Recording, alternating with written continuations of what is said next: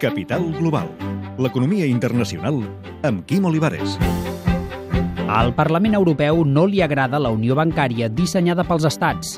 Ha donat un no rotund al mecanisme per tancar bancs en fallida. El troba complicat, lent i sotmès als desitjos dels estats.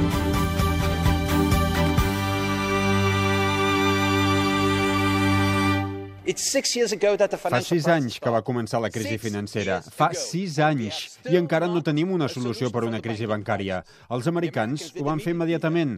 La velocitat que veiem ara en la proposta del Consell és com un trebant, uns procediments llargs, lents, mentre que el que caldria és un McLaren o un Ferrari.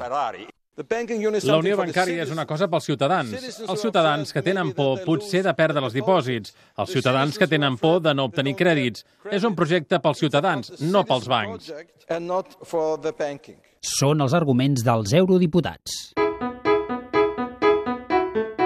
També troben que 10 anys són massa per omplir el fons comú de 55.000 milions per pagar la liquidació dels bancs problemàtics. Necesitamos un fondo único que funcione desde el primer momento y que tenga posibilidades financieras. Y necesitamos hacerlo haciendo una apelación al Consejo a que se mueva. El vot afirmatiu del Parlament d'Estrasburg és imprescindible per aprovar aquest pilar de la Unió Bancària i cal enllestir-ho abans de les eleccions europees.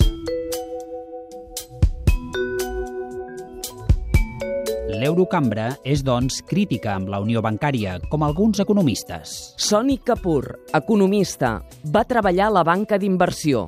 És director del Centre d'Estudis Econòmics Redefine.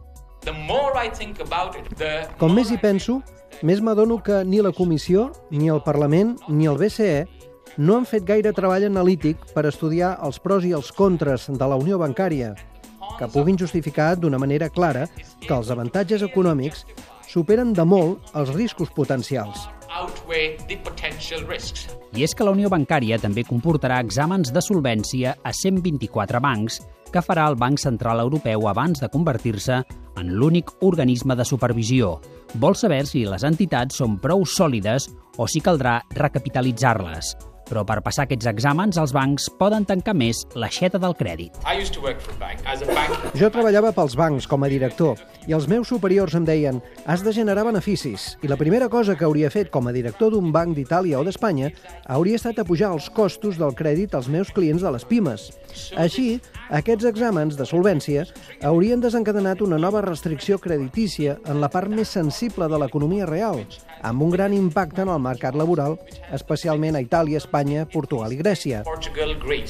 Aquest economista proposa suspendre les proves de solvència, però d'altres les volen com abans millor. Andrés Sapir, professor d'Economia a la Universitat Lliure de Brussel·les. Estaria molt bé, per descomptat, fer les proves d'estrès en temps millors, però com va indicar l'exemple nord-americà, els Estats Units van fer-les la primavera del 2009 i no era un bon moment. Va ser un moment decisiu.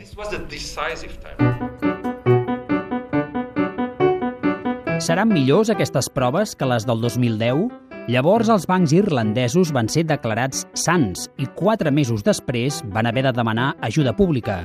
O seran millors que les del 2011? Llavors el banc franco-belga Dexia va superar-les amb bona nota, però l'any següent va haver de demanar un nou rescat públic. Ningú no sap quants diners caldran aquesta vegada per recapitalitzar els bancs, però es parla d'entre 15.000 i 60.000 milions d'euros. Si em pregunten quina seria la manera més eficient de gastar-se 15.000 milions d'euros, la resposta no seria injectar-los als bancs infracapitalitzats, seria gastar-los en infraestructures i en l'economia per fer pujar el PIB. I llavors, una vegada el creixement sigui positiu, seria el moment de netejar el sistema bancari.